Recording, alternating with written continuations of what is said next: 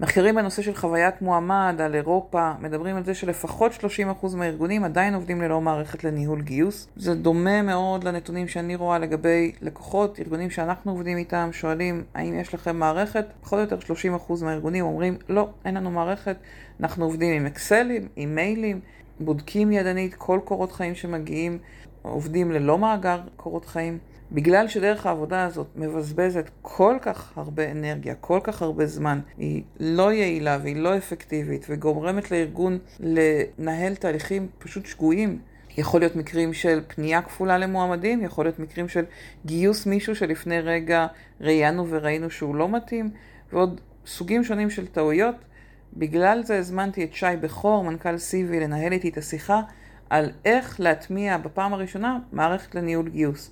מה התהליך שאנחנו צריכים לעשות בתוך צוות הגיוס, איך לעבוד מול ההנהלה, איך לנתח את הנתונים הקיימים כדי להצדיק את ה-ROI, את ההחזר על ההשקעה, ואיך באמת להתחיל להוביל את התהליך הזה קדימה. כבר במהלך השיחה קיבלנו פידבקים מצוינים מהמשתתפים על זה שהשיחה עזרה להם לעשות סדר בדברים ולהתחיל להניע את התהליך. אז אני מזמינה גם אתכם, אם אין לכם עדיין מערכת לניהול גיוס, או אתם מרגישים שהמערכת שקיימת אצלכם היא לא נותנת לכם את הערך שאתם צריכים ממערכת כזאת, להצטרף לשיחה, להקשיב לה ולהתחיל להניע קדימה את ההטמעה של מערכת ניהול גיוס גם בארגון שלכם. פרק חדש בפודקאסט גיוס המקצוע, פתיחה ומתחילים.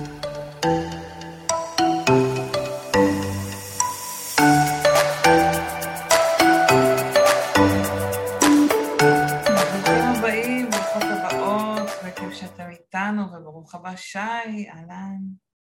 היי מורית, שלום לכולם, שמח נורא שהזמנתם אותי. איזה כיף. ואנחנו מדברים היום על איך מטמיעים מערכת לניהול גיוס. ואני אגיד, זה, זה מראש וובינר, ועכשיו ראיתם גם פודקאסט, שהוא לא, לא מיועד לכולם. מראש שי ואני הגדרנו שאנחנו מכוונים למי שעוד לא הטמיעו מערכת, או רוצים לעשות שינוי, כן, ו- וצריכים לרתום ככה את ההנהלה ואת הארגון למהלך, כי אנחנו באמת חושבים ש...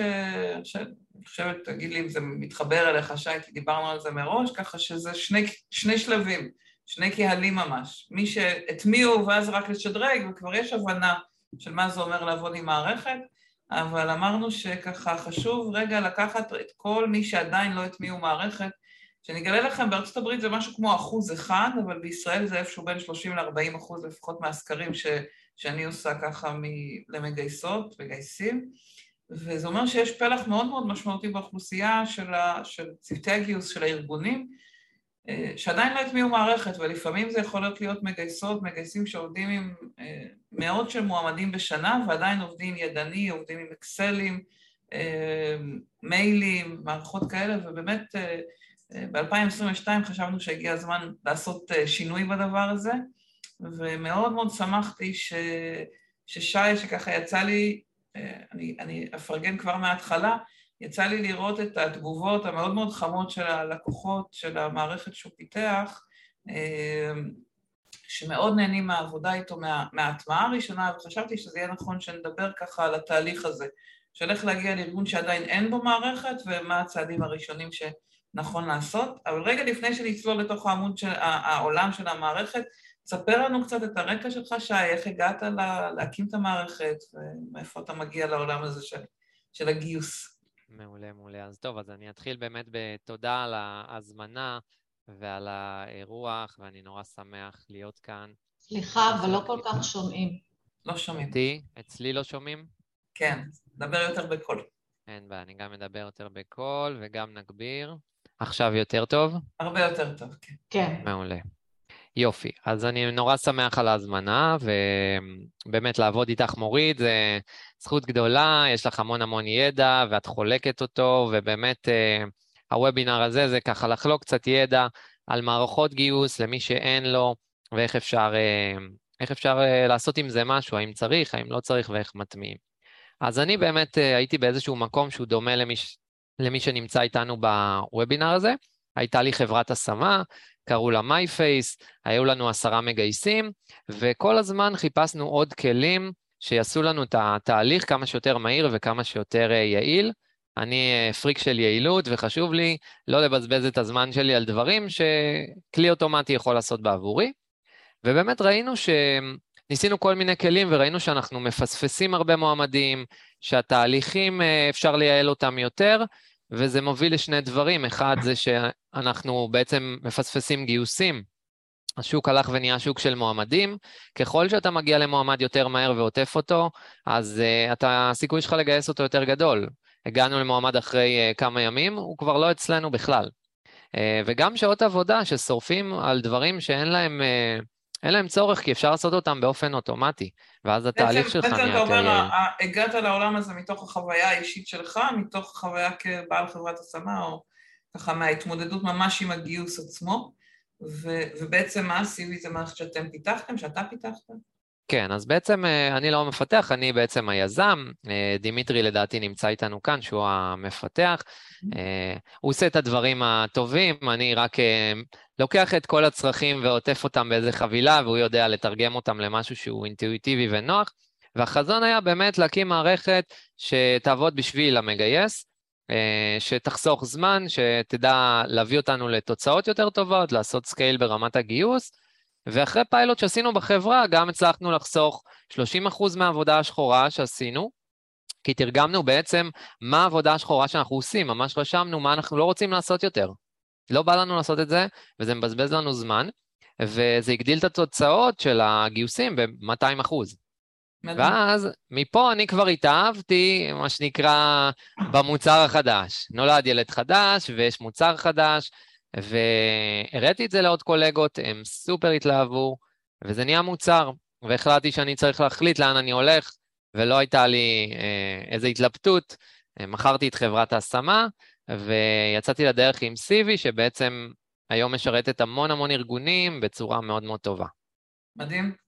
אז בוא נתחיל רגע, ואמרת שככה, אה, סיפרת לי בהכנה להיום, שבאמת הרבה מהארגונים, מהעסקים שאתה עובד איתם, הטמיעו את המערכת בפעם הראשונה, אה, כלומר בפעם הראשונה נכנסו לעבוד עם מערכת אחרי שעבדו קודם בצורה אה, לא ממוחשבת או ידנית, ו, ומה אתה רואה מהמפגש עם אותם ארגונים שיצא לך לעבוד איתם, שגורם לארגונים דווקא לא להטמיע? ככה, מה, מה ההתלבטויות או סימני השאלה שאתה רואה ש, שמעכבים אה, הכנסה של מערכת? אז בדרך כלל זה צריך לבוא מאיזשהו צורך של איש הגיוס קודם כל, שבא ואומר, יש לי איזושהי בעיה, אני מבין שאני עובד בצורה לא נכונה, לא יעילה, הוא מזהה שיש בעיות, הוא מזהה שמתפספסים מועמדים, הוא מזהה שהוא לא מגיע לכולם, הוא מזהה את הדברים האלה. זה, זה הדבר הראשון. אם זה לא קורה, ונגיד איש הגיוס אה, אומר, טוב, יש לי את האקסל שלי, נוח לי עם האקסל, אה, אוקיי, אני מפסיד עוד שעות עבודה, זה פחות הצורך שלי, אז אז זה לא יגיע בכלל לרמה של הטמעה. אני אעצור אותך כבר, ואני אומר, אתה אומר, אם אני כמגייסת, ורוב ה... אנשי הגיוס, נשות הגיוס ש, שלנו, אה, אם, אם אותה מגייסת לא מגיעה ממקום שהיא יודעת שהיא חייבת כרגע מערכת, יהיה מאוד קשה לעשות איזו הטמעה או שינוי, נכון? כלומר, זה לא משהו שמונחת מלמעלה בדרך כלל. אז זה יכול, זה יכול לבוא משני, משני מקומות, זה יכול לבוא מהצורך של המגייסת, שאומרת, אני עובדת בצורה לא יעילה. אני מרגישה שאני מבזבזת את הזמן שלי. הזמן שלי הוא חשוב לי. לא בא לי לשרוף אותו על תיעוד באקסל, לא בא לי לצלצל למועמד פעמיים, בא לי להביא תוצאות יותר טובות, אה, זה, זה האופציה אחת. האופציה השנייה זה בעצם שיבוא אה, מישהו מהדרג הניהולי ויגיד, אנחנו לא עובדים מספיק נכון, אנחנו לא מגיעים לתוצאות גיוסים שלנו, או אנחנו משקיעים המון כסף על גיוס והתוצאות לא מספיק טובות לנו, בואו נחשוב איך אפשר אה, למצוא כלים שיעזרו לנו לעשות את זה נכון יותר. והמילה שחוזרת אצלך ככה זה יעילות, כלומר זו או חוויה אישית של יעילות, חוסר יעילות, או מבחוץ מישהו שמסתכל ואומר, צריך לייעל פה את התהליך, אז אתה אומר, קודם כל אני מבין שהמערכת מכניסה יעילות לתוך התהליך. נכון, זה מה, בא מיעילות וסדר. אנשים מחפשים את הסדר, כלומר, אפשר להגיד שמבחינתי זה באמת שיקול של יעילות, אבל כשפונים אליי מתעניינים במערכת, בדרך כלל זה בא מסדר. זה לא בא מיעילות, זה בא ממקום של הכל אצלי בלאגן, יש לי כמה אקסלים, כמה טבלאות, אני מדבר עם מועמדים פעמיים, אה, מועמדים פונים אליי ואני לא יודע אם הייתי איתם בקשר, לא הייתי איתם בקשר, איפה אני מנהל את זה, ואז מתחיל להיות איזשהו מקום של אני בחוסר שליטה, יש לי בלאגן, ואז אנשים בעצם פונים אלינו. אבל רגע, התחלנו מאותה מגייסת שלא מרגישה שיש לה איזה בעיה, אז אתה אומר, זה יכול לגרום לזה שהארגון בסוף לא יטמיע. איזה עוד סיבות יגרמו לארגונים לא להטמיע מערכת? אז יש את הנושא התמידי של uh, חשש משינויים. Uh, יש לנו ארגון, זה עובד. אני לא רוצה לשנות שום דבר, הארגון עובד, הכל בסדר, אז המגייסת יושבת עוד כמה שעות על האקסל כל יום, זה בסדר לי? לא, אני לא רוצה לשנות שום דבר, אז זה יכול להיות הנושא הזה של באמת uh, חשש משינויים. Okay. אוקיי. ומן הסתם ארגונים צריכים, הם, הם יודעים את זה בדרך כלל, אבל לא כולם עובדים לפי הקו הזה, שאם אתה לא הולך קדימה, אתה כנראה הולך אחורה. כלומר, יש לך את המתחרים שלך, ואם הם שינו משהו... זה כבר ההסבר שלך לאיך לשכנע כן. אותם, אבל שנייה רגע, תכף נגיע לאיך לשכנע. אבל אני שואלת, אה, כמה התקציב באמת מהווה סיבה מרכזית שבגללה ארגונים לא מוכנים להיכנס לזה? זה... הפן התקציבי אה, הוא פחות העניין פה. פחות העניין? כלומר. אוקיי. ה-ROI כאן של אה, מערכת הוא ROI טוב. כשאנשים מבינים שיש להם צורך, אז אה, בדרך כלל הפן התקציבי הוא לא, ה... לא המחסום. אוקיי. Okay. לא אמרתי בהתחלה, אבל אם יש אה, למישהי, מישהו שאלה, אז אתם מוזמנים בכל נקודה לכתוב, וככה זה גם יקפוץ לנו וגם נשמח לשלב את ה... בשיחה שלנו את השאלות וההתלבטויות שלכם. אה, אנחנו קבוצה קטנה בכוונה, כלומר היום יותר מתמיד, דווקא בגלל שזו קבוצה שככה מתמודדת עם אתגר שהוא בעיניי ייחודי לה, אז באמת אה, ההזמנה היא להיעזר בזמינות של שי ובשיחה פה בשביל לחשוב ביחד על, על איך לעשות את ההטמעה הזאת. יש אה, דבר נוסף, מורית, שאולי חשוב להגיד, okay. אוקיי. ברמת הארגון, יכול לבוא צורך מהמגייסת של יש לי פה איזושהי בעיה, אבל אז בעצם ההנהלה לא רואה את הצורך הזה. אוקיי. שזה סופר חשוב, כי המגייסת מבינה שיש בעיה, אבל המנכ"ל לא מבין אותה. והיא באה למנכ"ל ואומרת לו, תקשיב, אני צריכה איזשהו כלי שיעזור לי, אבל הוא אומר לה לא. עכשיו, פה כן חשוב לשקף להנהלה איפה הכלי הזה יכול לעזור. כלומר, ממש אפילו להוביל אותו, לשבת איתך רגע, או עם המגייסת, לשבת שעה, לראות את התהליך עבודה, לראות מה אפשר לחסוך, ולשקף שאפילו ברמה התקציבית, זה יהיה הרבה יותר יעיל לעשות את זה. אז צריך שהם יבינו את הקושי של המגייסים. אז, אז בעצם, אה, אם אנחנו ניקח, נמשיך ממה שאתה אומר, והשאלה שקטי העלתה, של איך מטמיעים אה, מערכת בארגון אה, פרטי של 130 איש והיא צריכה לשכנע, מה, מה התחלת בלהגיד שצריך למפות את התהליך הקיים ולהראות את הקשיים. מה, מה, מה עוד היית עושה כשאתה בא לשכנע את הארגון? נחבר את זה גם ליתרונות, אבל רגע, מה כדאי להגיד כשבאים לשכנע את הארגון, את ההנהלה, בזה ש, שיש לי צורך. אז באמת, אני קודם כל חושב שצריך לעשות את הסדר בראש, לקחת איזשהו דף וורד או אקסל, ולרשום איזה דברים אה, מפריעים לי כרגע בתהליך, ומה ההשלכה של זה שהדברים מפריעים לי.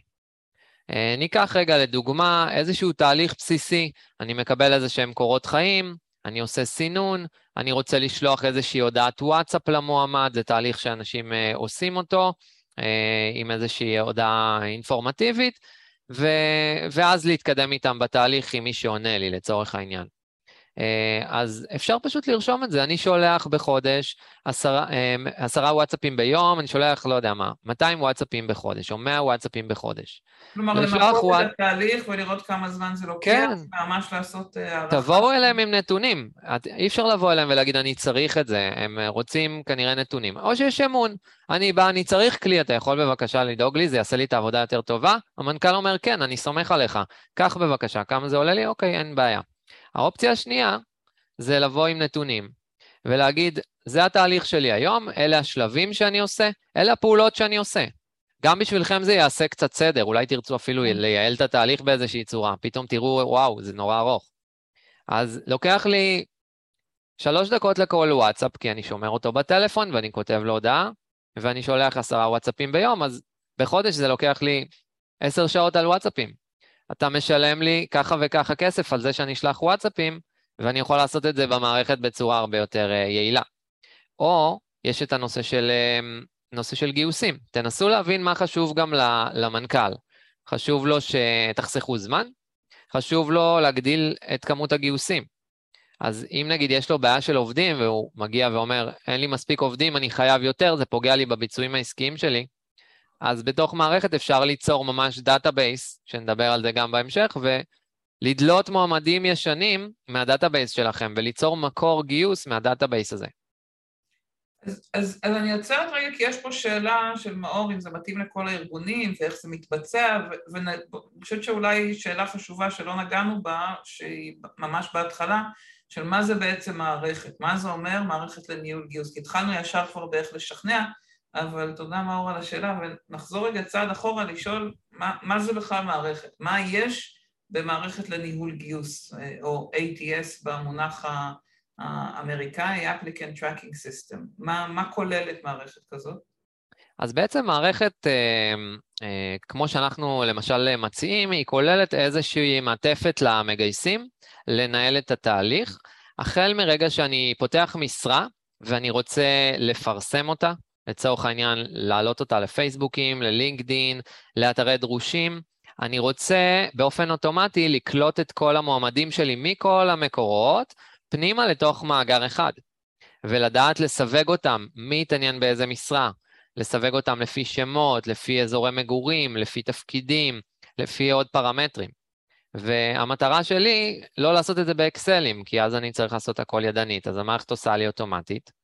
וכמובן, אפשר לפתוח משרה במערכת, ולהגיד למשרה הזאת, תחפשי לי בבקשה במערכת, ב database שכבר יצרנו, את המועמדים הרלוונטיים אליי.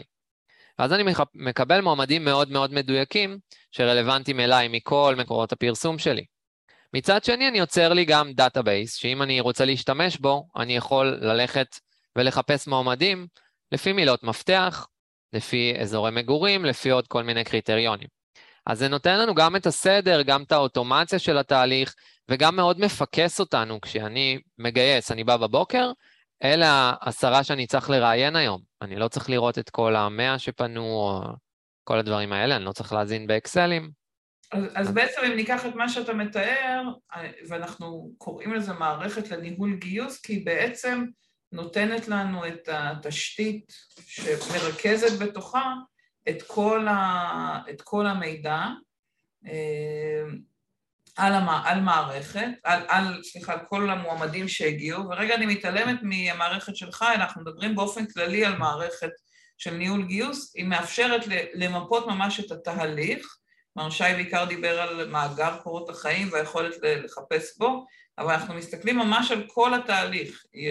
מערכת טובה יכולה לתת לי גם בלחיצת כפתור את המיפוי של כמה אנשים נמצאים בכל שלב, אה, ואם דיברתם על זה, הייתה פה אחת השאלות קודם, על זה שלכל מנהל יש דרישה אה, אחרת אה, בגיוס, אז יש מערכות שמאפשרות לעשות תהליכים שונים, למנהל כזה תהליך כזה ולמנהל כזה תהליך אחר, ומאפשרת לי להגדיר כל מיני מיילים אוטומטיים שנכנסים, יוצאים, ודוחות, בסדר, כל הרעיון הוא באמת לרכז את כל תהליך, את כל ניהול תהליך הגיוס במקום אחד, מהשלב של הפרסום, דרך ניהול המועמדים והתהליך, וגם התקשורת עם המועמדים וה... דיברת קודם על וואטסאפ, מיילים, כל סוגי נכון. התקשורת. כל זה מתרכז במקום אחד, כדי שיש לי אפשרות, אם אני ארגון מפוזר, או אם אני רק בן אדם אחד, שיש לי אפשרות שכל הניהול הזה הוא במקום אחד, ולא חלק בוואטסאפ, חלק במייל, חלק ב... אצל המנהל הזה, חלק אצל המנהל הזה, אלא באמת לרכז במקום אחד את כל התקשורת עם כל המועמדים, את כל תהליך הגיוס, שיש לי אפשרות להוציא דוח בלחיצת כפתור ולראות את כל התהליך. נכון. ננסה לאסוף את, את מה ששמת ו... ואת התמונת אה, זום כזה החוצה. כן, עכשיו עלו פה עוד uh, כמה שאלות, תכף נתייחס. ברגע שאני מנהל את התהליך, אני גם יודע מי נמצא בתהליך ומי לא בתהליך ובאיזה שלב הוא, ואז אף אחד לא מתפספס לי בדרך. זה אומר שאני uh, לא מפסיד מועמדים כי המנהל שכח ליצור איתם קשר או משהו בסגנון הזה, אני יכול להוציא את המייל דחייה אם דחיתי אותו, כל מיני דברים כאלה שהם מאוד חשובים. Uh, לימור שואלת אם המערכת מתאימה להדאנטרים, העובדים מול ארגונים רבים כן, התשובה היא כן. קטי שואלת לגבי דוחות. שנייה, אני, אני עוצרת רגע, כי כן חשוב לי להגיד, אנחנו לא פה בשביל להציג את המערכת של שי, בסדר? השיחה שלנו מדברת באופן כללי על מערכות, ולכן אנחנו לא מדברים על איך להתאים מערכת לאיזה ארגון, אלא הזמנה אליכם, אם אתם מחליטים להטמיע מערכת, תהיה לבדוק את המערכת הזאת מול מערכות אחרות ולראות מה הכי נכון לכם, ולכל ארגון יש את המערכת המדויקת שמתאימה לו. אז נדבר רגע בכללי אולי, מורית, אז, אז כן. בגדול גם דנטרים עובדים עם uh, מערכות, זה, זה גם חשוב, כדי שיהיה לכם איזשהו תיעוד על מה עשיתם, למי שלחתם, לאן שלחתם וכדומה. Uh, ולגבי השאלה של קטי, לגבי דוחות, אז כן, במערכת גיוס אמור, אמורים להיות לך דוחות מפורטים על הדברים שאת צריכה. בין אם זה דוחות נפוצים של מי נמצא בתהליכים, מי נפסל מתהליכים, סטטיסטיקות, על איזה סיבות פסלנו, שזה גם חשוב, אפשר לבוא להנהלה ולהראות להם, תראו, נפסלים לנו הרבה על זה, בואו נראה איך אפשר לשפר את זה. עוד אה, דוחות מקורות גיוס, איפה פרסמתי ואיזה מקורות גיוס נותנים לי ערך, איזה לא נותנים לי ערך, וזה גם יכול לחסוך המון כסף והמון משאבים, כי אם מקור מסוים שולח לי המון מועמדים אבל זה לא נותן לי ערך, אז זה גם זמן שלי וגם כסף שאפשר לנתב למקומות אחרים. ולשאלה, קרן, אה, שלך, אז צריך לבדוק פר מערכת ופר המידע שיש אצלכם בארגון. כלומר, אה, לכל מערכת יש מערכות אחרות שהיא יודעת להסתנכרן איתן ויש אחרות שהיא לא. מה שנקרא API והיכולת להסתנכרן, ויש לא מעט מערכות שגם ידעו תמורת איזשהו סכום או תקציב לייצר ממשק מול הידע שיש אצלכם בארגון. כלומר, צריך לבדוק את זה ספציפית. אני כן יכולה להגיד לך באופן כללי שאין פתרון היום אחד שכולל הכל. כלומר, הרבה מאוד מנסים לחפש איזו מערכת שיהיה בה גם את ה-HR וגם את הגיוס וגם את ה-ERP וגם, כאילו, את מנסים להכניס את הכל בבת אחת, וזה לא עובד. אין היום מערכת HR או SAP או... אין מערכת אחת שנותנת מענה על הכל. גם בעולם ההמלצה ברוב הארגונים היא להפריד את מערכת ניהול הגיוס, את ה-ATS, ממערכת ניהול משאבי האנוש, כי זה פשוט באמת שתי מערכות נפרדות, זאת צריכה להתמודד עם מסה של מועמדים שרק חלק קטן מהם נכנס לארגון, ומערכת HR, על אותו חלק קטן שנכנס לארגון, יש המון המון דאטה שאנחנו אוספים. אז זה ממש שתי מערכות נפרדות, לא רק בארץ, גם, גם בעולם, זה, זאת ההמלצה שאני רואה כבר הרבה שנים. אה, עוד לא קמה מערכת שיודעת לתת טוב את המענה לכל העולמות, נקרא לזה ה-HRים. ולכן באמת נוצרים הממשקים שמחברים בין מערכת ניהול הגיוס לבין uh, uh, המערכות האחרות. למשל ללינקדאין יש דף של המערכות שהם ממליצים שמתממשקות עם לינקדאין. ואחרים שגם אפילו לא מופיעים שם, אבל יודעים לייצר איתו ממשק. כלומר, יש ממש uh, עולם שלם סביב העניין הזה של הממשקים עם המידע שקיים בארגון ועם אתרים שקיימים בחוץ. אפשר לומר עוד משהו גם לגבי השאלה של קרן, אני לא, לא חושב שלזה התכוונה, אבל זה כן נתן לי רעיון לספר לכם שאם יש לכם היום איזושהי תיקייה שיש בה קורות חיים, או איזשהו מייל ששמרתם שם את כל הקורות חיים, כשאתם עוברים לעבוד עם מערכת לניהול גיוס, מאוד חשוב שתגידו להם להכניס את ה database הזה, את כל הקורות חיים האלה, פנימה לתוך המערכת, כדי שיהיה לכם כבר עם מה להתחיל לעבוד. איזשהו חיתוך חכם שאתם יכולים לעשות ולמצוא מועמדים רלוונטיים, זה data ששווה המון המון. זו הערה מאוד חשובה, כלומר אם שומרים במשך השנים אה, מיילים, אקסלים או משהו מהסוג הזה, לראות איך, איך למזג אותו, איך להכניע, להטמיע אותו לתוך המערכת. בדיוק. ומי כן. שלא עובד עם מערכת ניהול גיוס ורוצה בעתיד לעשות את זה, אז כדאי לדעת לשמור את קורות החיים במקום נפרד ומסודר, כדי שתוכלו לעשות את זה בעתיד בקלות. הערה מאוד חשובה. קרן, זה ענה לך? רגע, כדי להבין אם זה ענה לך על השאלה. אה, זה, זה ענה בגדול, אני פחות התכוונתי למידע של, למערכות מידע של HR, יותר אה, אה, מערכת מידע למשל של מחלקת מכירות שלנו, כדי לראות, לא משנה, כאילו זה משהו ספציפי לאיפה שאני עובדת, אבל... אז אני אשמח להבין כן, אחר כך למה את מתכוונת, כי לא ברור לי כל כך החיבור בין המכירות למערכות כאלה, אבל... כי אני יכולה לראות איזה משרות אה, נפתחות בהתאם לאיך המכירות אה, הולכות. כן. הבנתי. אה, לא כאילו צריך להיות סנכרון וכולם צריכים לראות את זה ביחד, כאילו. אז זה צריך להבין עם המערכת הספציפית שאת בודקת. זהו, זה נראה לי מאוד ספציפיקציה של הארגון הזה. אני מבינה, פשוט הרבה שואלים על HR, לכן עניתי על זה, אבל... לא, לא, בסדר, זה ענה. רצית להוסיף? תודה. אה, לימור שאלה שאלה, זו גם אה, שאלה טובה. אה, יש משמעות באיזה פורמט שאומרים קורות חיים טרם לקיחת המערכת. אז כן, המערכות ניהול גיוס, הן יודעות לקרוא טקסט. טקסט יכול להיות בוורד, הוא יכול להיות ב-PDF, הוא יכול להיות בקובץ TXT, um, פחות תמונות, כלומר, בשביל לסרוק תמונות ולהבין את זה, אין היום טכנולוגיות מספיק טובות שיודעות לעשות את זה, בטח שלא ב- בעברית, לכן uh, תשתדלו לא לשמור כתמונות, אלא לשמור כקבצים של וורד או PDF טקסטואלי. גם אם מישהו סרק ל-PDF, זה לא טוב, כי זה תמונה. צריך לשמור את זה כטקסט. Okay. אוקיי. אז, אז בואי ננסה רגע לחזור ליתרונות שבגללם כן כדאי להטמיע מערכת, ואז נדבר על, על איך לקבל את ההחלטה הזאת, או איך לדחוף להחלטה הזאת. מעולה. מה היתרונות מבחינת? אז דיברנו על הנושא באמת של הסדר, ש... שהוא הכרחי, ואנשים באים ואומרים, אין לי סדר, אנחנו מתקשרים למועמדים כמה פעמים וכדומה, אז, אז הסדר, שיהיה לי קודם כל איזשהו מקום מסודר שהמידע נשמר לי. מחר אני מתחלף, אני הרכז גיוס, אני מתחלף, אין איזשהו אה, מקום שנשמר הדאטה לחברה. אז זה גם חשוב ברמה הארגונית, שיהיה מקום ששומרים את הדאטה של החברה, שזה לא ילך לאיבוד ויהיה רק בראש שלי. Okay. אוקיי. הדבר השני זה הנושא של מהירות התהליך. אז דיברנו שזה בעצם שוק של מועמדים. כלומר, מי שמגיע יותר מהר למועמד, הסיכוי שלו יותר גדול לגייס אותו. אז אנחנו רוצים להגיע למועמדים כמה שיותר מהר, לפני מתחרים שלנו, לפני ארגונים אחרים, וככל שאנחנו נקצר את התהליך ונוריד שלבים בתהליך, אנחנו נגיע למועמד יותר מהר, ויש לנו יותר אה, סיכוי לגייס אותו. אז אם נשים ארגון אחד שלא עובד עם מערכת לעומת ארגון אחר, אז ארגון אחד יכול לבוא בבוקר ולהתחיל לעבור על 100 קורות חיים ולרשום אותם באקסלים ולקרוא אותם וכדומה. הארגון השני הוא בא בבוקר ויש לו את העשרה הרלוונטיים. שבעצם המערכת שולפת לו את, לפי ההגדרות את... אה, לפי ההגדרות שהוא בוחר. כלומר, זה גם חשוב לומר שבמערכת טובה אתם בוחרים את ההגדרות שמתאימות לכם. אה, ואני אומר הרבה פעמים, היא כמו עוד רכזת שעובדת איתכם. תחשבו שאתם באים בבוקר, ויש רכזת שאמרתם לה מה לעשות, היא לקחה את המאה קורות חיים ושמה לכם על השולחן עשרה, וזה בדיוק מה שרציתם, שמישהו יעזור לכם עם זה. אז נגיד שהעשרה האלה הם, הם אפילו בסוף של המאה. של רשימת המאה הזאת שהארגון השני קיבל. אז הוא יכול להגיע אליו עוד יומיים. מדבר על יעילות בתוך, לא רק באופן כללי בניהול של התהליך, אלא במהירות שמגיבים. במהירות התהליך.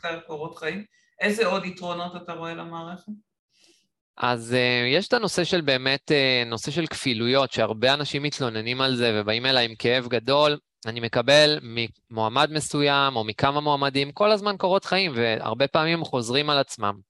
ואין לי דרך לדעת, אני לא זוכר כבר אם דיברתי איתו, לא דיברתי איתו, אולי הוא אפילו היה אצלנו בריאיון בעבר, כי. הוא שלח לי כמה פעמים, אה, אפילו שמעתי על ארגון שגייס מישהו שהוא כבר גייס אותו ופיטר אותו, כל מיני דברים כאלה, שזה מתחיל מזיהוי כפילות, שמערכת טובה צריכה לדעת שהנה קיבלנו קורות חיים, זה קורות חיים שכבר היו לנו, וברמה הזאת אפילו אולי כבר ראיינתי אותם, אז אין צורך להתייחס אליהם שוב, אולי אפילו פרמטר שאם ראיינתי אותו בחצי שנה האחרונה, אז אל תביא לי אותו שוב. Okay. אוקיי. אה, אז הכפילויות זה גם משהו ש... שהוא מאוד רלוונטי. אה, הדבר הבא זה מאגר מועמדים, mm-hmm. שפה אני, אני חייב להגיד לכם, זה נושא כל כך חשוב, שלא כולם מבינים את זה. אבל uh, עם מאגר מועמדים טוב, אתם יכולים לעשות גיוס בשעה. אז זה משהו מטורף, תחשבו שאתם עכשיו, יש לכם איזשהו דאטה של מאגר שכבר פנו אליכם הרבה מאוד אנשים, ויש לכם משרה חדשה שנפתחה שהיא דומה למשרה לפני שנה, ויש לכם 200 קורות חיים מלפני שנה. אז רוב האנשים אומרים לי, תשמע, זה מלפני שנה, הם לא רלוונטיים. אבל זה ממש לא נכון, באופן uh, הכי פשוט, סטטיסטי, אנחנו שולחים מייל ל-200 האנשים האלה ואומרים להם, המשרה נפתחה שוב, האם זה מעניין אתכם? הרוב לא רלוונטיים, זה באמת נכון, 180 לא יענו לנו. אבל 20 יענו ויגידו שזה כן רלוונטי, או עשרה. ומתוך זה אפשר ממש לעשות גיוס בלי פרסום, בלי uh, ללכת ולחפש בכל מיני מקומות. תחשבו כמה זמן זה חוסך, כמה כסף זה חוסך, איזה כיף זה לעשות דברים כאלה, וזה באמת תלוי בזה שתבנו תשתית טובה, ותדעו לנהל מאגר בצורה מסודרת. זה אחד הדברים באמת החשובים בתוך מערכת. חייבת להגיד שאני חושבת שאתה צודק, וזה היתרון שהוא המספר, בעיניי הוא המספר אחד, כי uh, יצא לי לפגוש א', כמה שבאמת הצליחו ככה לגייס ולסגור אה, לפעמים משרות שפתוחות המון זמן, ומול זה גם, באמת, כמו שאתה מתאר, אנשים, מגייסות, מגייסים שבטוחות שזה לא רלוונטי כבר לפנות למישהו שפנה בעבר. כלומר, הן רק עוברות על הקורות חיים שנכנסו באותו רגע למשרה, וברגע שעבר אה, שבוע, שבועיים, ונפתחה משרה חדשה, הם לא יחזרו לכאלה שהם קיבלו לפני שבוע, או איזה mindset כזה של מישהו ששלח לפני חודש, הוא כבר לא רלוונטי. ויצא לי לפגוש מישהי שסגרה משרה עם מועמדים שהיא פנתה אליהם שפנו בשבע שנים האחרונות. והצליחה לסגור משרה של, אה, אה, לא יודע, אלגוריתמאי או משהו כזה, זו משרה מאוד מאוד מורכבת, ודווקא בגלל שהיא פנתה לאנשים שבזמנו היו בוגרים צעירים, אבל פתאום היו פלוס שבע שנות ניסיון, פתאום היו לה מועמדים שאפילו לא הסתובבו בחוץ, לא שלחו קורות חיים לאף אחד, אבל היא הצליחה לפנות אליהם והם היו, וזה התאים גם להם. אז, אז ההבנה ש, שמאגר כזה חוסך לי, מספיק שהוא חסך לי השמה אחת בשנה, אז סידרתי לי את התקציב לכל המערכת שנה קדימה, ובטח אם הוא חוסך לי יותר מזה, או מייצר לי יותר מועמדים מזה, זה, זה כל כך קל להצדיק את ה-ROI של מערכת ההחזר על ההשקעה, בדיוק מתוך ה... בייחוד פה שיש לכם גם מאגר שהוא בלעדי שלכם, כלומר זה איזשהו collection כמו אוסף שהיינו אוספים פעם כל מיני אה, פרפרים או בולים, זה, זה האוסף רק שלכם, של מועמדים רק שלכם, ורק אתם יכולים להגיע אליו. אז אם מישהו חיפש עבודה לפני חודש ואפילו מצא. יכול להיות שכבר לא מתאים לו, יכול להיות שזה לא יסתדר, אז לפעמים זה גם עניין של מזל. אז uh, יש לכם בלעדיות על משהו, אפשר לעבוד איתו. אז, אז רק כדי לאסוף את היתרונות, דיברנו על היעילות והסדר, על המהירות של התהליך, על מניעת כפילויות, ואמרנו המאגר שנוצר למועמדים שאפשר uh, לפנות אליו. יש עוד איזה יתרון שפספסנו לדעתך, או שזה ה... יש המון כן, יתרונות, כן, מי? חיסכון בחברות השמה. גם כן. לחסוך את התקציב של התשלום לחברות השמה לגמרי. כן, עם המאגר. לגמרי מסכימה. אז גם מקורות גיוס, כלומר, אם אני, אני אמשיך את הנושא הזה של התקציב, גם מקורות גיוס שבאמת לא מניבים לי את מה שאני רוצה, אני יכול לנתב תקציב למקורות גיוס שעובדים לי בצורה יותר טובה. Okay. אוקיי.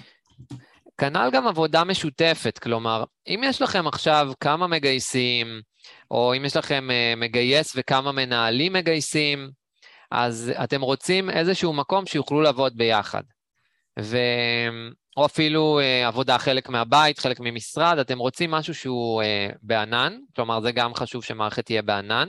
אתם לא נמצאים במשרד היום, אתם רוצים מהבית. האקסל הוא לא תמיד uh, נגיש, אם אנחנו שומרים אותו נגיד על המחשב. ואם אתם רוצים משהו של כמה אנשים ביחד, שרואים מה כל אחד עשה, מתי הוא עשה, מה התהליך היה, אם מישהו עשה טעות, מי עשה את הטעות, איך מתקנים, כל מיני דברים כאלה שחשוב שמערכת תיתן לכם אפשרות לשיתוף של כמה אנשים ביחד עם תיעוד של מה כל אחד עשה. מעולה. אה, שואלת פה אריאל, לא יודעת, אריאל אם זאת בת, נכון? לגבי המיון שהמערכת עושה, אם מקבלים את כל הקורות חיים והמשמרים, או רק מועמדים רלוונטיים לפי ההגדרות שהגדרנו. אז מאגר כולל את כל הקורות חיים שהגיעו למערכת. מתוכם את יכולה לשלוף את אלה שמעניינים אותך לפי ההגדרה שלך. אבל בגדול, מאגר תמיד יכלול את כל המועמדים ש... שהארגון קיבל, נכון, שי? כן, זה חשוב מאוד לומר את זה, זה גם שאלה נפוצה, אריאל, של אנשים מפחדים שימחק להם משהו וכדומה. אז, אז קודם כל, הכל נכנס למאגר שלכם. יש לכם איזושהי קופסה שכל המועמדים שם. משם המערכת אה, גיוס צריכה להוציא לכם ולשקף לכם אלה העשרה הרלוונטיים, אבל אם תרצו יום אחד, תגידו, אוקיי, אני לא מצליח לגייס, בואו נגדיל את האפשרויות שלי, בואו ניקח לא את העשרה, אלא את החמישים הרלוונטיים, תמיד תוכלו לעשות את זה כי זה שם. ואני גם אומר לכם, גם אל תמחקו מועמדים וקורות חיים, גם אם אתם עובדים בלי מערכת או עם מערכת, תשמרו קורות חיים. אתם לא יודעים איזה הצעות יהיו לכם בהמשך, איזה משרות ייפתחו לכם בהמשך. אז uh, לשמור תמיד את, ה, את הקבצים, כי אי אפשר לדעת מה יהיה איתם. שזה בדיוק אמרנו הפער בין uh, מאגר לבין לעבוד עם מיילים. במיילים אני מתייחסת רק למה שכרגע רלוונטי לי, uh, אבל במערכת אחרת, ברגע שאני עובדת עם מערכת, אז יש לי את הגישה לכולם. אז, אז בעצם... יש עוד איזושהי שאלה של שלי? כן, את רוצה את לענות? אני אענה. לא, לא, בוא תתייחס אליה. תודה. אז אה, שלי, כן, יש, אה, יש הבדלים כמובן. כל מערכת יש לה את היתרונות שלה ואולי היא מרימה לנו כבר שלי להנחתה כזה לשאלות הבאות של באמת איך לבחור מערכת, אבל לכל מערכת יש את היתרונות ויש גם את החסרונות. זה בסדר שלכל מערכת יהיה את הפלואו שלה, את הקהל שיותר מתאים לה, אמ, ואתם צריכים לדעת מה, לרשום לכם מה אתם בעצם, אה, איפה הכאבים שלכם, מה הדברים שחשובים לכם שיהיה בתוך מערכת, כי תמיד יהיו הבדלים. יש מערכות שהן בענן, יש מערכות שהן לא בענן, יש מערכות שהן אה, יותר נוטות לגיוס אה, בצורה כזאת או לפלואו כזה, אז כן, חשוב, חשוב לרשום את הצרכים שלכם. ולשקף למי שעושה לכם את ההדגמה למערכת, מה התהליך שלכם. מה תהליך עבודה כדי שהמערכת תדע לתת לכם את התהליך כמו שאתם רוצים.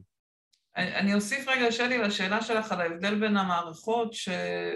שבאמת יש, יש הבדלים שקשורים גם לתעשייה וגם לסוג הצרכים, סוג הצרכים, סוג הדוחות, ועוד הבדל שלמדתי עליו היה וובינ...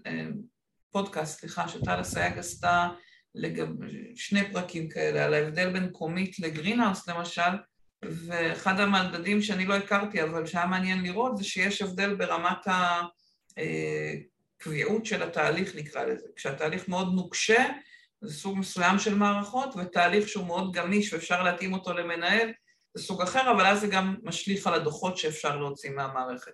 אז יש המון פרמטרים ששווה ככה להסתכל עליהם, שקשור גם לכמות המשתמשים, כמות היוזרים, גם תקציב, גם הדוחות שצריך, גם המסה של המועמדים שנמצאים איתם בקשר, כמות היוזרים בתוך הארגון, אם המנהלים כן נחשפים לזה, לא נחשפים לזה.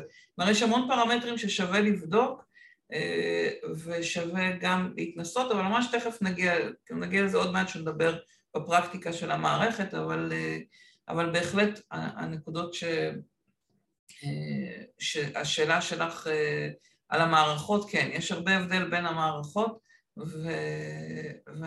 וניסינו לקחת, לגעת בכמה, ונדבר עוד בסוף על, על עוד כמה, גם על העניין של העלויות וגם על עוד מדדים שאנחנו יודעים שמשפיעים. אז, אז אני חוזרת רגע לשאלה, ומיפינו את התועלות נקרא לזה, אבל שי, מה לדעתך הנקודה שבה מגייסת מגייס, מגייסת צריכה להגיד, או מנהלת משאבי אנוש, צריכה להגיד די, מספיק עם אקסלים ובואו נעבור למערכת. מה, זה כמות מועמדים בחודש? זה כמות... מה, לפי מה כדאי להגיד, רגע, יש פה בעיה כבר. זהו, אז, אז נתחיל בזה שקודם כל זה איזושהי תחושה. כלומר, אני, אני מרגיש שיש משהו לא, לא רץ לי חלק.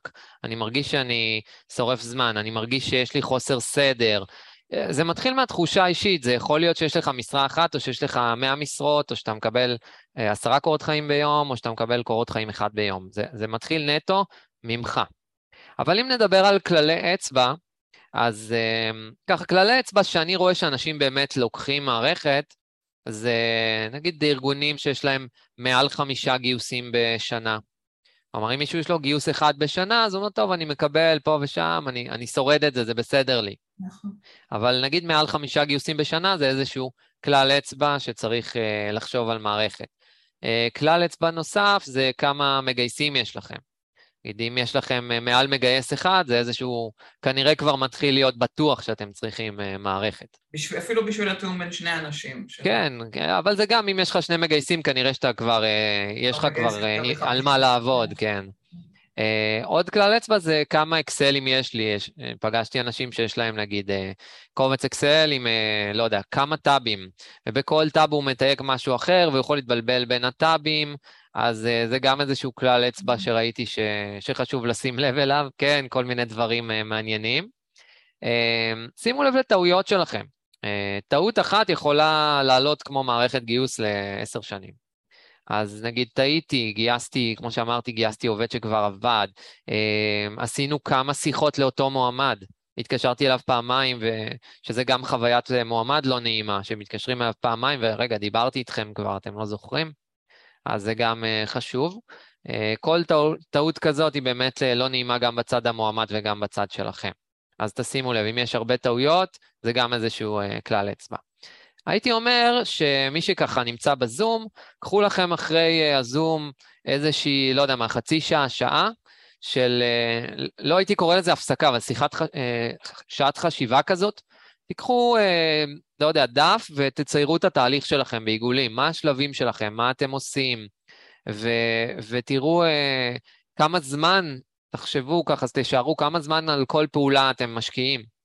ותראו אם יש דברים שאתם יכולים לייעל בצד הזה של התהליך. האם יש משהו שאתם ממש לא אוהבים לעשות ובא לכם שמישהו יעשה את זה בשבילכם? דברים בסגנון הזה, אלה, אלה הנקודות החשובות.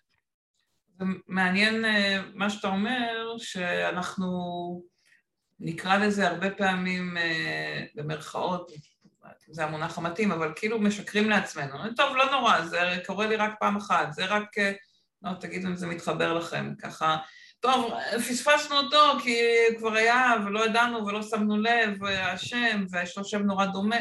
כאילו אנחנו נותנים לעצמנו תירוצים ללמה זה קרה, אבל יש משהו באיך שאתה שם את זה, אתה אומר, זה דגל אדום. רגע להתייחס לזה לא כן. בתור איזה משהו שאני...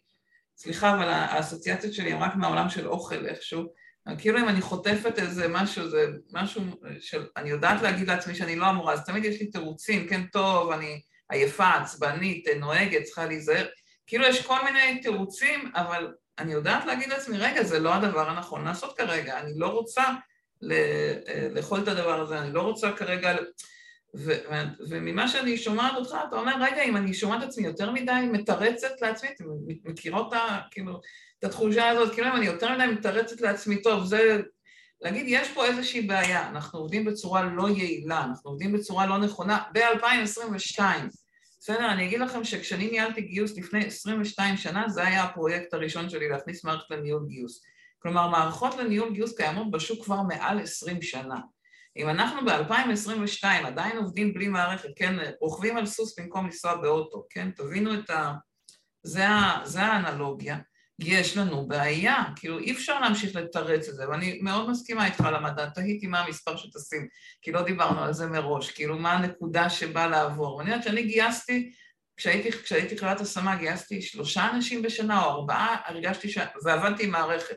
הרגשתי שאני טובעת, גם בתוך המערכת, לקח לי זמן לעשות בתוכה את הסדר. כלומר, אני לא מצליחה להבין את העבודה על יותר משלושה, ארבעה, חמישה גיוסים בשנה, לא במערכת. ואני יודעת שיש הרבה שעושים את זה על עשרות גיוסים בשנה. אני יודעת, אתם מאבדים כל הזמן מועמדים, ממש, זה כאילו, זה לאבד את המועמדים בין האצבעות, וכמובן דיברת על החוויית מועמד, שאני סופר מסכימה עם זה, ואני אומרת, זה תירוצים רגע שאנחנו נותנים לעצמנו, כי לא בא לנו להילחם עם המנהל, עם המנכ"ל, עם הזה, זה כסף, זה... אבל כל כך קל להראות את ההחזר על ההשקעה, ו... ובאמת, אה, שי, נתת, אני חושבת שאת הטיפ הבסיסי הכי נכון, שרגע תתעדו את התהליך, כמה זמן הוא לוקח לכם. כן, יש גם את העניין, אה, יש עוד שני עניינים, שזה אחד זה צוואר, צווארי בקבוק, כלומר, אה, יכול להיות מצב, אה, אני אתן סיטואציה נגיד נפוצה, עכשיו המגייס יצא לחופשה של שבוע, מותר לו. מותר לו לצאת לחופשה, ומה קורה עכשיו? כלומר, כל הקורות חיים מתנקזים שבוע אצל המגייס ואף אחד לא נוגע בהם. אז גם דברים כאלה של לתת לי רגע את האפשרות לשחרר את צוואר הבקבוק הזה, אה, להעביר אותם באיזושהי צורה אוטומטית למנהל המגייס אחרי איזשהו סינון שהמערכת כבר עשתה בעבורו, ואז אני יכול שנייה לצאת ברוגע לחופשה. והדבר השני זה באמת השחיקה גם של המגייסים, ש... שימו לב, יש לנו הרבה עבודה כמגייסים, והרבה עבודה אה, שהיא גם עבודה שחורה, so called, אז זה שוחק. ואנחנו לא רוצים להישחק, ואנחנו רוצים ש, שמשהו יעזור לנו לעשות את הדברים האלה, אז אם אתם מרגישים שאתם נשחקים, עוד פעם לעבור עכשיו על 20 קורות חיים, ווואו, עברתי עליו ופספסתי, פספסתי שבאמת הוא יכול להתאים, כי מה לעשות, אני גם בן אדם. אז כל הדברים האלה שהם שוחקים אתכם, אז באמת יכולים לעזור, וגם לארגון. אני מכיר מנכ"ל שהתחלפו לו חמש אה, מגייסות. שכולם אמרו לו, תקשיב, חייבים מערכת גיוס, ומבחינתו לא, הוא לא מוכן. עד שבמגייסת השישית הוא כבר הבין שאין מה לעשות, היא גם תתחלף לו, אז, אז הוא הסכים לזה, אבל uh, הדברים האלה של שחיקת המגייסים, זה, מדברים על זה הרבה עכשיו, יש הרבה עבודה, אז צריך לשים לב שאתם לא נשחקים. אז, אז בואו נדבר על איך uh, רותמים את המנכ"ל, ותודה מיטל נתנה פה טיפ נהדר, לתת למנהלים בעצמם לחוות את חוסר היעילות, קיבלו עשרות קורות קורות חיים בקבצי אקסל, ובעצמם היה להם קשה לעשות סדר בדברים, ואז זה, עזר לשכנע, אז כל הכבוד על, ה, על השיטה לגמרי, ותודה ששיתפת. יש לך עוד ככה מחשבות על איך אה, לרתום את, ה, את המנהלים? אז צריך באמת להבין את, ה, את המנהלים עצמם ומה מניע אותם.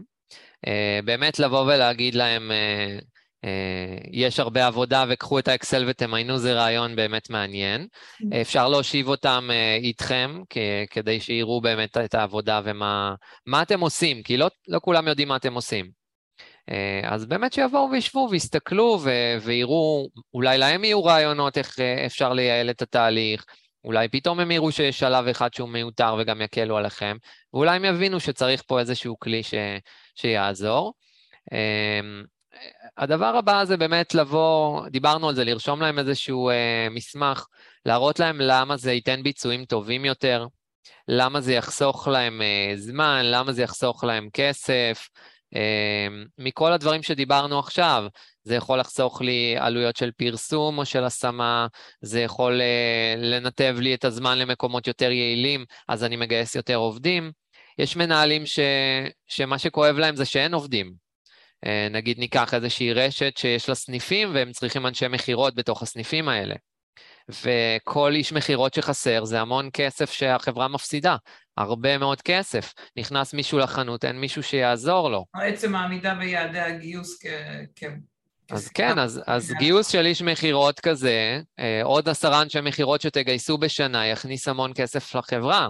או אם זה מפעלים, מישהי כאן רשמה מפעלים, אז אין לי עובדי ייצור, אני לא יכול לייצר, אני לא יכול למכור. איפה זה מתחיל? זה מתחיל בגיוס. ואם תיתן לי כלי גיוס יותר טוב, אני אדע לתת לך ביצועים יותר טובים. אז בוא תחליט אתה, אתה רוצה שאני אבזבז את זמני על אה, תיעוד באקסלים, או אתה רוצה שאני אעשה פרופר גיוס מקצועי? ולשקף להם ככה. אז, אז בואו ניקח רגע את השאלה של אסנת, והיא מעניינת, אה, ונדבר, אה, ככה נחבר אותה לשאלה של איך, איך לבחור מערכת, שעלתה פה כמה פעמים. ו, ולפעמים חלק הטמיעו מערכת והבינו שהיא לא המערכת הנכונה בשבילם. אז באמת, מה, מה הנקודות שצריך לשאול את עצמנו אה, בשביל לקבל החלטה לגבי המערכת הנכונה? או איך אני גם, ונחבר את זה לאיך אני יודעת שהמערכת שלי לא מתאימה לי. כן, אז זה גם חשוב, אה, זה גם חשוב בעצם איך אנחנו יודעים שהמערכת לא מתאימה. אה, אז, אז יכול להיות שזה באמת, נתחיל מזה, אם, אם יש לי מערכת ואני עוד לא יודע אם היא מתאימה לי או לא, אז, אז אה, חשוב לנסות לרשום איפה היא לא מתאימה לי, כלומר, אה, חסר לי התהליך הזה, חסרה לי הפונקציה הזאת, או שבאמת יכול להיות, היא פשוט לא ידידותית, אני נכנס ולא כיף לי לעבוד עליה, אני לא יודע, מסכים של פעם כזה, העיצוב לא מדבר אליי, יכול להיות, יכול להיות שהמערכת מעולה והעיצוב לא מדבר אליי ו- ופשוט אין לי חשק לעבוד איתה. ואין מה לעשות, כלומר, אה, צריך לחשוב אם עכשיו להחליף בגלל זה מערכת. אבל אם חסרים כן, לי נגיד פיצ'רים... הכ... אני, סליחה שאני קוטעת, אבל אני אומרת, צריך לשים את הכוכבית שעצם תהליך השינוי תמיד יהיה קשה לכולנו, בסדר? כלומר, להכניס מערכת לניהול גיוס זה אף פעם לא קל, בכלל להכניס מערכת, זה אף פעם לא קל. אבל בהחלט יש מערכות שהן לא מתאימות לכל אחד בכל שלב, אז, אז רגע נעשה את ההפרדה בין שני, ה, שני המצבים האלה. זאת אומרת, אחד שקשור לפתרונות, האם הפתרונות שהיא נותנת למפות בצורה יותר מדויקת, גם כדי שאני אוכל לשאול את המערכת החדשה שאני פונה אליה, עם איך זה מתנהל שם. מה עוד ראית שזה מדדים או דברים שלפיהם צריך לבחור מה? אז הדברים השניים זה באמת, אה, זה באמת, הדבר השני זה באמת התהליך. אה, אמרנו, תרשמו את התהליך שלכם על דף, ותבואו מוכנים לפגישה עם אה, מערכת גיוס, ותגידו, זה התהליך שלי. מי שמקצועי גם ידע לשאול אתכם וישאל אתכם איך התהליך עובד, ואז תספרו והוא ירד עוד לרזולוציות כדי להבין. זה חשוב מאוד, לטעמי גם לחברות המערכות, חברות התוכנה, לא להכניס לקוחות שהם לא מתאימים להם. זה מאוד מאוד חשוב, mm-hmm. ואנחנו מאוד מקפידים על זה, אני חושב שזה חשוב ביותר. אתם צריכים לבוא, קחו גם את האחריות עליכם, תגידו, זה התהליך שלנו, בואו תראו לנו אם אפשר או אי אפשר לעשות את זה, וזה ברמת הפיצ'ר, פתאום אומרים לכם, אוקיי, אין לנו, לא יודע, סתם אני זורק, אין לנו אפשרות לקלוט קורות חיים באופן אוטומטי. אוקיי, אתם יודעים את זה. תקבלו החלטה אם המערכת הזאת מתאימה לכם, כי זה חלק מהתהליך שבניתם. אה, או אין לנו אפשרות כזאת וכזאת, אוקיי, אז, אז תדעו שזה פיצ'ר שלא קיים. ואז תוכלו לבחור מערכת לפי התהליך שלכם. חשוב גם לתת דגש, מאוד יכול להיות, וגם תתייעצו עם חברות המערכות, אה, אם יש מה לשפר בתהליך שלכם. יכול להיות שאתם נמצאים בתהליך מסוים, לא יודע מה, זה מעביר לזה, מעביר לזה, מעביר לזה, ואז יגידו לכם, רגע, חכו שנייה, למה אתם עושים את זה ככה? אולי תעשו את זה ככה. ופתאום תקבלו איזה טיפ שיכול רגע לייעל לכם גם את התהליך אה, מהבחינה הזאת, אז אל נכון, תבואו מקובעים. זהו, יכול להיות שהתהליך שקיים הוא, הוא לא בהכרח אה, הכי אפקטיבי, או שהוא לא באמת אה, משרת את הארגון. וגם אמרנו קודם, כשהתהליך מאוד משתנה ממנהל למנהל, קשה להוציא דוחות שהם מדויקים לגבי התהליך, כי הם, התהליך מאוד שונה בתוך הארגון, אז צריך גם להבין איזה דוחות רוצים להוציא. והייתה פה שאלה שנשלחה לי בפרטי לגבי עלויות, אתה יודע להגיד משהו על הטווח של העלויות בשוק בין, לפי משתמש אה, בין מערכות שקיימות? זה מאוד מאוד משתנה, אני יכול לתת איזשהו אה, ממוצע או סדר גודל.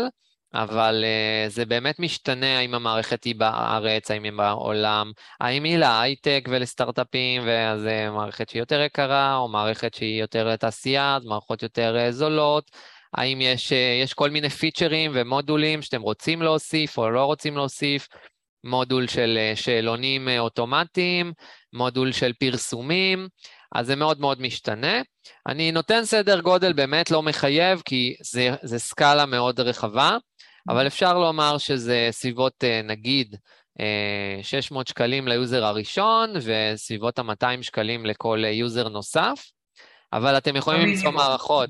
במערכות הראשוניות. לא, זה הממוצע. ממוצע? אני יכול, אני יכול להגיד שנגיד אנחנו זולים מהממוצע, אם כבר אמרתי, אבל יש מערכות שהן פי שלוש או ארבע מהממוצע, ויש מערכות שהן יותר זולות מהממוצע. אז תמיד הממוצע הוא, הוא כאן מאוד רחב, כן, זה עלות חודשית. מה שאמרתי, אני אחזור שוב. ממוצע, לא לתפוס במילה, 600 שקלים ל user ראשון, 200 שקלים לכל user נוסף, אבל מאוד תלוי. תקבלו הצעות ותראו. אוקיי, okay. אתה אומר נכון שיש גם הבדלים אם המערכות הן דוברות אנגלית או עברית, או שזה ישראליות וגלובליות. אבי, יש לך שאלה? כן, כמה אצלכם ה user הראשון וה user הנוסף? מורית מרשה לי? אני לא יודע אם היא מרשה. מעדיפה שידברו איתך בפרטי, סליחה. אין בעיה, אחרי זה נעשה בפרטי את הכול. מי שרוצה יכול לדבר עם שי בפרטי, אמרנו, המטרה, והוא יודע להציע, אני סומכת על שי, שמי שיפנה אליו יקבל את המענה ונשתף את הטלפון של שי תכף. אבל, אה, אבל כן, העלות ששי דיבר עליה היא חודשית per משתמש, ויש הבדל למשתמש הראשון ולמשתמשים הבאים. כמו ששי אמר, לכל מערכת יודעת לתת עוד מודולים, אה, סקרים של חוויית מועמד, שאלונים, אה, עוד כן דוחות, דוחות מיוחדים. אני כן יכולה להגיד באופן כללי, ש... ושי, אולי תוך כדי שאני רגע אגיד עוד משהו, תכתוב את הטלפון שלך פה ש... למי שרוצה. אני כן יכולה להגיד באופן כללי שראיתי הרבה מאוד ארגונים שעובדים עם מערכת ושהארגון אפילו לא ביקש שעת הדרכה על המערכת. כלומר שעובדים כאילו עם מערכת אבל לא משתמשים ברוב הפיצ'רים שיש בה. אז אם כבר יש לכם מערכת, פשוט לבקש שעת הדרכה, אפילו בתשלום, שווה כדי לגלות אם המערכת משרתת אותי או לא. אה, בסדר? ושי דיבר על 600 ממוצע למשתמש הראשון ו-200 ממוצע למשתמשים הבאים, אז, אה, אז כן, עשינו את ההבדל. והנה שי שיתף את אה, שמות הפרטים. וסליחה, קטי, אנחנו לא נכנסים על uh, ההשוואה בין נילוסופט למערכת אחרת, כי אני, אני באמת לא רוצה להיכנס למערכות ספציפיות. מיטל שאלה אם המנהלים המגייסים בארגון צריכים יוזרים, או שיש ממשק מולם ללא user? אני חושבת שזה גם ישתנה בין מערכות. כנראה, כנראה ישתנה בין מערכות. בגדול אני מאמין שהם צריכים user, כי הם צריכים לצפות, אבל שוב, אני לא יכול לדעת על כל המערכות uh, הקיימות, אז צריך לבדוק את זה פר מערכת. יש מערכות שנותנות ממש לכל המנהלים גישה כמה שרוצים, אבל הן גם לדעתי יותר יקרות, ומערכות אחרות שנותנות למנהלים גישה מוגבלת, או זה, אבל זה ממש, זאת שאלה מצוינת לשאול את, ה, את המערכת שנמצאים איתה בקשר, איך, ה, איך המנהלים ניגשים, מה הם מקבלים, מה הממשק מולם, שאלה סופר רלוונטית וחשובה. אז בואו ניקח ככה את הכמה דקות האחרונות, שי, לטיפים מבחינתך בסיכום, אם יש עוד שאלה אה, חשובה שלכם או משהו שפספסנו, אז זה הזמן לשאול. אה, הטיפים שלך למגייסות, מגייסים שרוצות לקחת את הצעד הראשון כדי להתקדם להטמעה של כל מערכת, מה, מה חשוב לעשות? אז uh, באמת, uh, קודם כל הנושא של ההטמעה, חשוב שיהיה מישהו שהוא הפיבוט של, ה, של הדבר הזה. כלומר, uh, אני לוקח עליי את ההטמעה, אני דואג לזה, אני מלמד, אם יש עוד רק כזה גיוס, אני מלמד אותם, אני יוצר את התהליכים.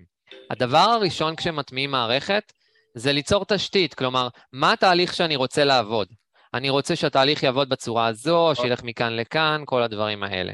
Mm-hmm. אם יש לי תשתית והבנתי איך אני רוצה לעבוד, מכאן כבר זה קל, מכאן כבר אה, כל רכז שנכנס, הוא צ'יק צ'אק לומד את זה. אבל ליצור את התשתית ולעשות את זה נכון, זה מאוד חשוב. Uh, ברמת ההטמעה, ברגע שמחליטים להטמיע מערכת, לעשות את זה כמה שיותר מהר. כלומר, התקשרתם עם מערכת גיוס, להתחיל כבר עכשיו, להטמיע אותה, להכניס אותה, להתחיל לעבוד איתה, הכי מהר שאפשר. אז הנה, הילה שואלת כמה זמן זה לוקח, בואו ניגע במהירות רגע, כי לא נגע. אז הטמעה טובה אם באמת הארגון משתף פעולה, כלומר, יש את הילה, והילה החליטה להטמיע, והיא אומרת, אני על זה. בין שלושה ימים לשבוע, זו הטמעה שיכולה אה, להיות מספיק טובה, לארגון בסדר גודל אה, בינוני. אם זה ארגון גדול וצריך ללמד עוד אנשים, אז זה יכול לקחת עוד שבוע. הבעיות מתחילות כשאין מישהו שמטמיע, כלומר שבא המנכ"ל או שבא מנהלת משאבי אנוש ואומרת, יאללה, לוקחים מערכת וזורקת את זה על רכזי הגיוס, של חלקם אולי כזה לא נמצאים כל הזמן, או לא יודעים בדיוק מה הדבר הנכון לארגון, ואז כל אחד עובד איך שהוא רוצה ו- ומתחיל הבלאגן. אז כשמטמיעים, להתחיל כמה שיותר מהר, זה טיפ מאוד חשוב, ושיהיה פיבוט שהוא יודע איך התהליך צריך להיראות. ומשם אני... זה כבר רץ חלק. אני אגיד ששבוע, שבועיים נראה לי באמת מתאים בארגון של בן אדם או שניים. חייבת להגיד שבארגונים יותר גדולים, מהחוויה שאני שומעת, זה יותר סביב חודש, אה, עד שככה מסנכרנים ואנשים מתרגלים, ואחר כך, בגלל שזה תהליך שהוא שונה ממה שרגילים, אז אם את מדברת על עד הטמעה מלאה, שכולם מתרגלים לעבוד עם המערכת, יכול לקחת עוד כמה שבועות. כלומר, זה לא... שבוע, שבועיים נשמע לי קצת קצר מדי מבחינת ה... שלא תרגישו שמשהו אצלכם לא בסדר אם זה לקח יותר. אז כן חשוב לי ככה לשים את הטווח. אבל שבוע, שבועיים לבן אדם, שניים, שלושה, צוות גיוס שעובד להתרגל, כאילו להכניס את המערכת ולהתחיל שהכל מסנכרן דרכה, אה, זה בהחלט אה, הרעיון, אבל זה בערך, בערך הלוחות זמנים, אבל באמת להתחיל להתרגל לעבוד עם זה ולהשתמש במערכת כדי להעביר את הקורות חיים, זה, זה בהחלט רלוונטי. כן. אה, עוד אז, טיפים? אז הטיפ האחרון שדיברנו עליו, אבל אני אחזור על זה, תרשמו לכם, זה גם בשבילכם. גם אם לא תיקחו מערכת בסוף, תרשמו לכם את התהליך שלכם, איך הוא בנוי, תראו אותו, תראו כמה זמן אתם משקיעים על כל שלב, תראו אולי אפשר לשפר אותו, תדעו איפה הצווארי בקבוק שלכם, תדעו על מה אתם משקיעים את הזמן, מה אתם לא רוצים להשקיע את הזמן, ואז תבואו באמת לכל הנושא של ההטמעה של מערכת, בצורה שאתם יודעים מה צריך לעשות. מעולה. אורית, אם זה בסדר, אני אשמח לשתף. אתה מוכן ולשתף בשמחה. כן, אז אני אשתף... אני נענה רגע למה שקטי שאלה, שאל, שאלת על רעיונות אוטומטיים, אה, ושי דיבר על אה, שאלונים אה, אוטומטיים שעולים. רואים וגם, עכשיו את התמונה?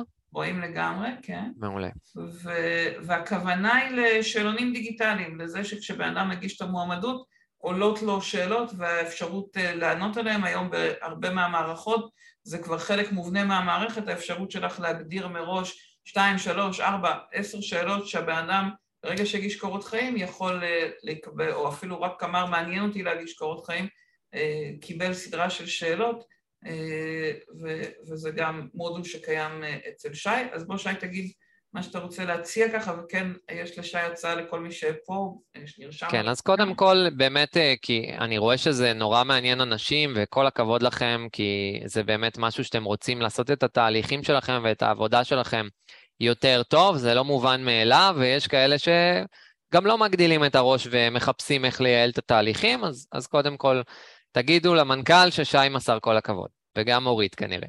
אמ, ומי שרוצה ככה להתייעץ, אז באמת חשבתי איך אפשר לעזור לכם. קודם כל, אני מזמין אתכם לשיחת היכרות. אני מאוד אוהב להכיר אנשים חדשים, אני מניח שגם אתם. אה, רבע שעה לייעוץ, להכוונה, לראות אם זה מתאים לכם, אם זה לא מתאים לכם. אנחנו נותנים תמיד פידבק אובייקטיבי, ונוכל להגיד לכם אם באמת מתאים להטמיע מערכת אה, גיוס בארגון שלכם.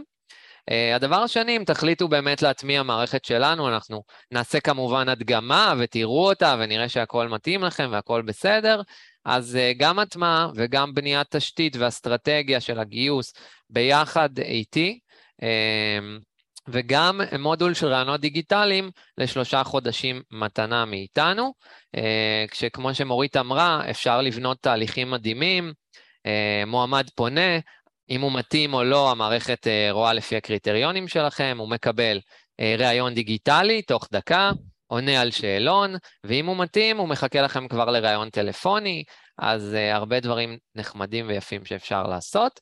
פרטי הקשר שלי למטה, תרגישו חופשי לשלוח לי וואטסאפ, כן, לשלוח לי וואטסאפ, לשלוח לי מייל, או להיכנס לאתר, למלא טופס צור קשר, ותקבלו אוטומטית כבר זימון לפגישת זום. מעולה. ולשאלה של שלי, אני רק אגיד שאני הרגשתי נוח לתת לשי להציע את ההצעה, כי שמעתי באמת מהרבה לקוחות בתוך הקהילה של בעלי עסקים בתחום, שחלקם אפילו פה על הקו לדעתי, שמעתי הרבה מחמאות, ופרגון מאוד גדול לשירות של שי והצוות שלו, שי לא לבד שם, יש איתו צוות, אז, אז הרגשתי נוח גם לאפשר לשי ככה להציע את ההצעה. אני לגמרי לא צד פה חוץ מלתת את הבמה, כי באמת מה שאני הזמנתי את שי זה רק לדבר על, ה, על איך לעשות את התהליך הזה. שי, המון המון תודה, קודם כל ממני. שמחתי, אני מאוד מקווה שכולם הפיקו ערך. תמיד... נשמח מאוד אם תכתבו לנו, גם אם היה בעל ערך וגם מה לקחתם ככה. כן. אם היה טוב, מורית, אולי הם יכתבו לנו דברים טובים, אולי נעשה וובינר נוסף על עוד, עוד דברים מעניינים. בשמחה תמיד, תמיד תמיד שמחה. תודה לכולם ותודה רבה שי, ואנחנו נהפוך, גם נעלה את הוובינר כמו שהוא בווידאו לאתר, וגם לפודקאסט החדש. יש לך גם את הפודקאסט החדש. וגם לפודקאסט החדש שנולד אתמול. אז, אז אני מבטיחה שנעלה גם את זה וגם את הסיכום, ונהדר, אני שמחה שזה היה לכם מעניין ובעל ערך, ואני מאחלת המון המון הצלחה, הלוואי שבעוד חצי שנה נשמע מכל מי שהיה פה על הקו וכל מי שנרשם ושמע את הוובינר, שהטמעתם מערכת וזה מאוד עוזר לכם, ואם בא לכם לשתף אותי, אותנו, בתהליך שלכם בעקבות היום, ממש ממש ממש נשמח לשמוע, מאוד חשוב לנו שתעבדו בצורה יעילה ואפקטיבית ותרגישו ש, שאתם לא שורפים זמן על, על באמת דברים פחות נכונים, פחות בעלי ערך עבורכם. תודה, יעל. ותודה רבה רבה רבה לכולם. שיהיה לכם תודה מורית, תודה על האירוח. זה הוובינר האחרון שלנו לקיץ, ואנחנו ניפגש בספטמבר, בתחילת השנה. תודה לכולם. תודה רבה. ביי לכולם, תודה רבה.